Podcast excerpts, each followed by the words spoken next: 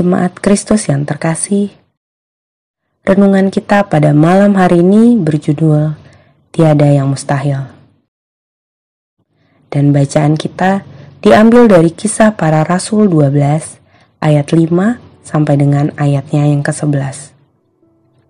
Beginilah firman Tuhan.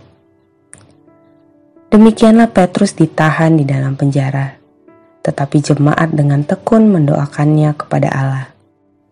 Pada malam sebelum Herodes hendak menghadapkannya kepada banyak orang, Petrus tidur di antara dua orang prajurit, terbelenggu dengan dua rantai. Selain itu, prajurit-prajurit pengawal sedang berkawal di muka pintu.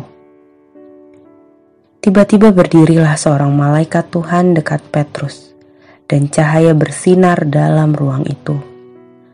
Malaikat itu menepuk Petrus untuk membangunkannya katanya. Bangunlah segera. Maka gugurlah rantai itu dari tangan Petrus. Lalu kata malaikat itu kepadanya, Ikatlah pinggangmu dan kenakanlah sepatumu. Ia pun berbuat demikian. Lalu malaikat itu berkata kepadanya, Kenakanlah jubahmu dan ikutlah aku.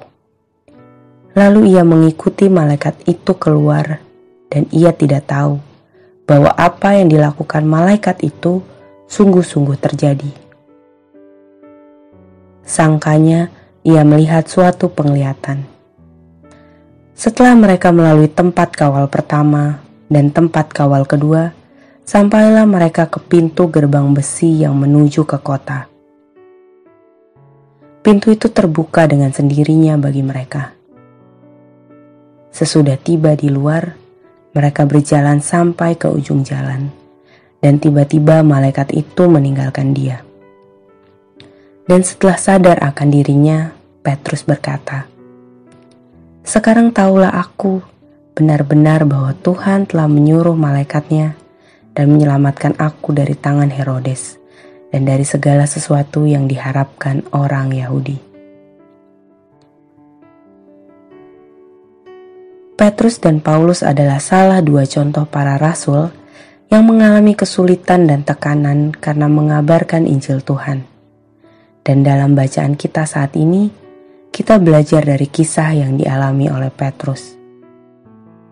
Setelah Herodes berhasil membunuh Yakobus, saudara Yohanes, dan tindakan itu didukung oleh orang-orang Yahudi, Herodes menangkap Petrus kemudian dieksekusi. Oleh karena itulah Petrus ditangkap dan dimasukkan dalam penjara sembari menanti eksekusi yang akan ia dapatkan. Dalam situasi yang sebenarnya sudah di ujung tanduk tersebut, terjadilah muzizat dan kuasa Allah dengan datangnya malaikat yang menolong Petrus. Segala sesuatu yang ia alami bahkan terlihat mustahil sehingga Petrus mengira bahwa itu semua hanya sebuah penglihatan, bukan sebuah kejadian yang nyata. Peristiwa ini menunjukkan kepada kita bahwa bila Allah sudah berkehendak, maka situasi apa pun akan dapat teratasi dan kita akan dilepaskan dari pergumulan itu. Yang menjadi perenungan adalah, lalu bagaimana bila kejadian yang kita alami tidak seperti Petrus? Bahkan mungkin apa yang kita alami justru dirasa semakin hari semakin memburuk. Lalu apakah dengan demikian Allah tidak memberkati dan menolong kita? Terlepas dari pergumulan, hendaknya tidak selalu dilihat dari satu sisi, yaitu pergumulan itu selesai sesuai dengan keinginan kita. Ada banyak cara pergumulan selesai. Walaupun mungkin bagi ukuran manusia, hal itu dilihat tidak beruntung. Kalaupun seandainya Petrus tidak selamat, apakah itu menjadi sia-sia? Tentu tidak. Kita melihat kisah Stefanus melalui kematian yang ia alami, tetap dapat menjadi jalan untuk mengabarkan Injil.